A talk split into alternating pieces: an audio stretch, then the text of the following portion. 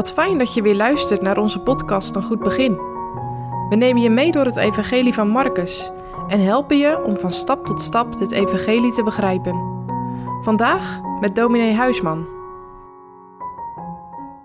Wij lezen Marcus 11, vers 12 tot en met 14.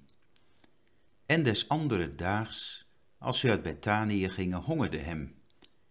En ziende van verre een vijgenboom die bladeren had, ging hij om te zien of hij ook iets op dezelfde zou vinden.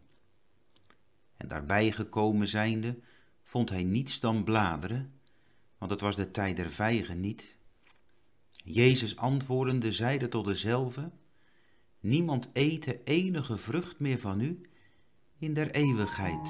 En zijn discipelen hoorden het. Een kort stukje uit Marcus, wat veel vragen oproept tenminste bij mij wel. Ook wat Jezus hier zegt is niet zonder betekenis, want alles wat hij zegt heeft een bedoeling, en zeker om ons iets te leren. We lezen in dit korte stukje van een vijgenboom, van Jezus die naar vijgen zoekt, maar alleen bladeren aantreft, maar ook de reactie van Jezus daarop. De vijgenboom zal nooit meer vrucht dragen. Wat wil die geschiedenis ons nu zeggen? We lezen in de Bijbel dat Jezus veel wonderen en tekenen gedaan heeft. En bij een van die wonderen hebben wij afgelopen dinsdag stilgestaan, de genezing van de blinde Bartimaeus. Maar we hebben ook gehoord van het geloof van Bartimaeus. Gisteren hoorden we van de intocht van Jezus in Jeruzalem. Het volk wat blij was. Ze hebben geroepen: Gezegend is hij die komt in de naam des Heren. Ook gehoord hoe Jezus in de tempel kwam waar niemand was die op hem stond te wachten of om hem te verwelkomen. Hij alleen maar zag dat er markt was en er gehandeld werd op het tempelplein. En toen het avond werd, ging hij naar Betanië, naar het huis van zijn vrienden Lazarus, Martha en Maria. En als hij dan de volgende dag weer naar Jeruzalem gaat, dan passeert hij deze vijgenboom. En omdat hij honger heeft, zoekt hij naar vrucht. Maar hij kan geen vrucht vinden, want het is de tijd van de vrucht nog niet. En dan het bijzondere, dan vervloekt hij de vijgenboom. En die vijgenboom die verdort. Dat kun je lezen in Marcus 11, de versen 20 tot en met 26. En dit teken wordt wel een vloekwonder genoemd. En het laat ons zien, en dat is aangrijpend, dat Jezus niet alleen tot zaligheid van zondaren in de wereld is gekomen, maar ook tot een oordeel.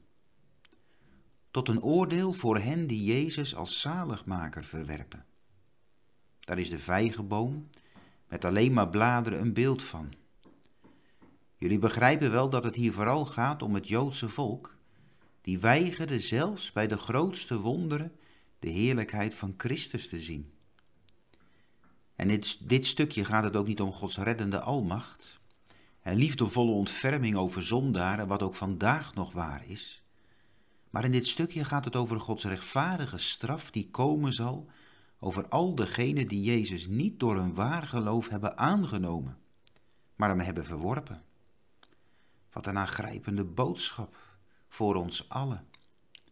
Is de komst van Christus naar deze aarde als zaligmaker voor jou al een persoonlijk wonder geworden? Is Hij gekomen om jouw schuld te betalen, je hart weer recht te maken voor God? Of ga je nog steeds aan deze zaligmaker voorbij? Behoor je tot degenen die het evangelie ongehoorzaam zijn? Dan maak je elke dag de schuld maar meer. En elke dag wordt je oordeel zwaarder. Als je dus niet oppast, wordt het steeds erger. Want we hebben de afgelopen dagen gehoord dat Jezus weende over Jeruzalem toen hij zijn intocht hield. En al die mensen die hem binnenhaalden dachten dat hij een aards koning zou zijn en hem niet aanvaarden als Messias, die komen zou om zondaren zalig te maken. Daarna heeft hij de hardnekkige Joden bij de tweede tempelreiniging het oordeel aangekondigd.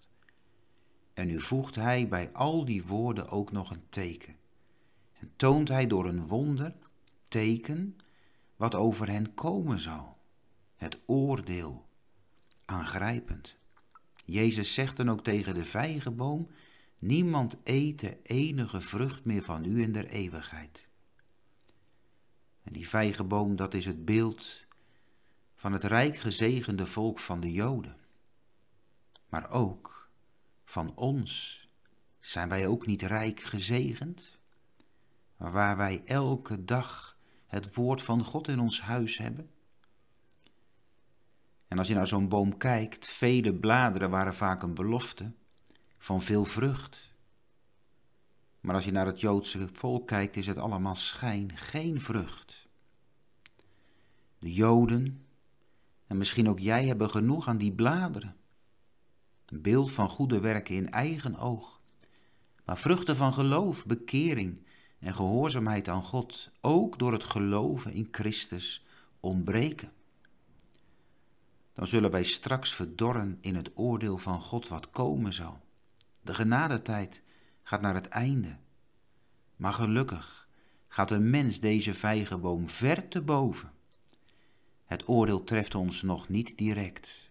Deze geschiedenis is nog tot waarschuwing, maar ook nu geldt nog dat bij God genade is voor de grootste zondaren, ja zelfs voor vijgenbomen met heel veel bladeren. Hoe ziet jouw levensboom eruit als Jezus vandaag een onderzoek naar vruchten doet?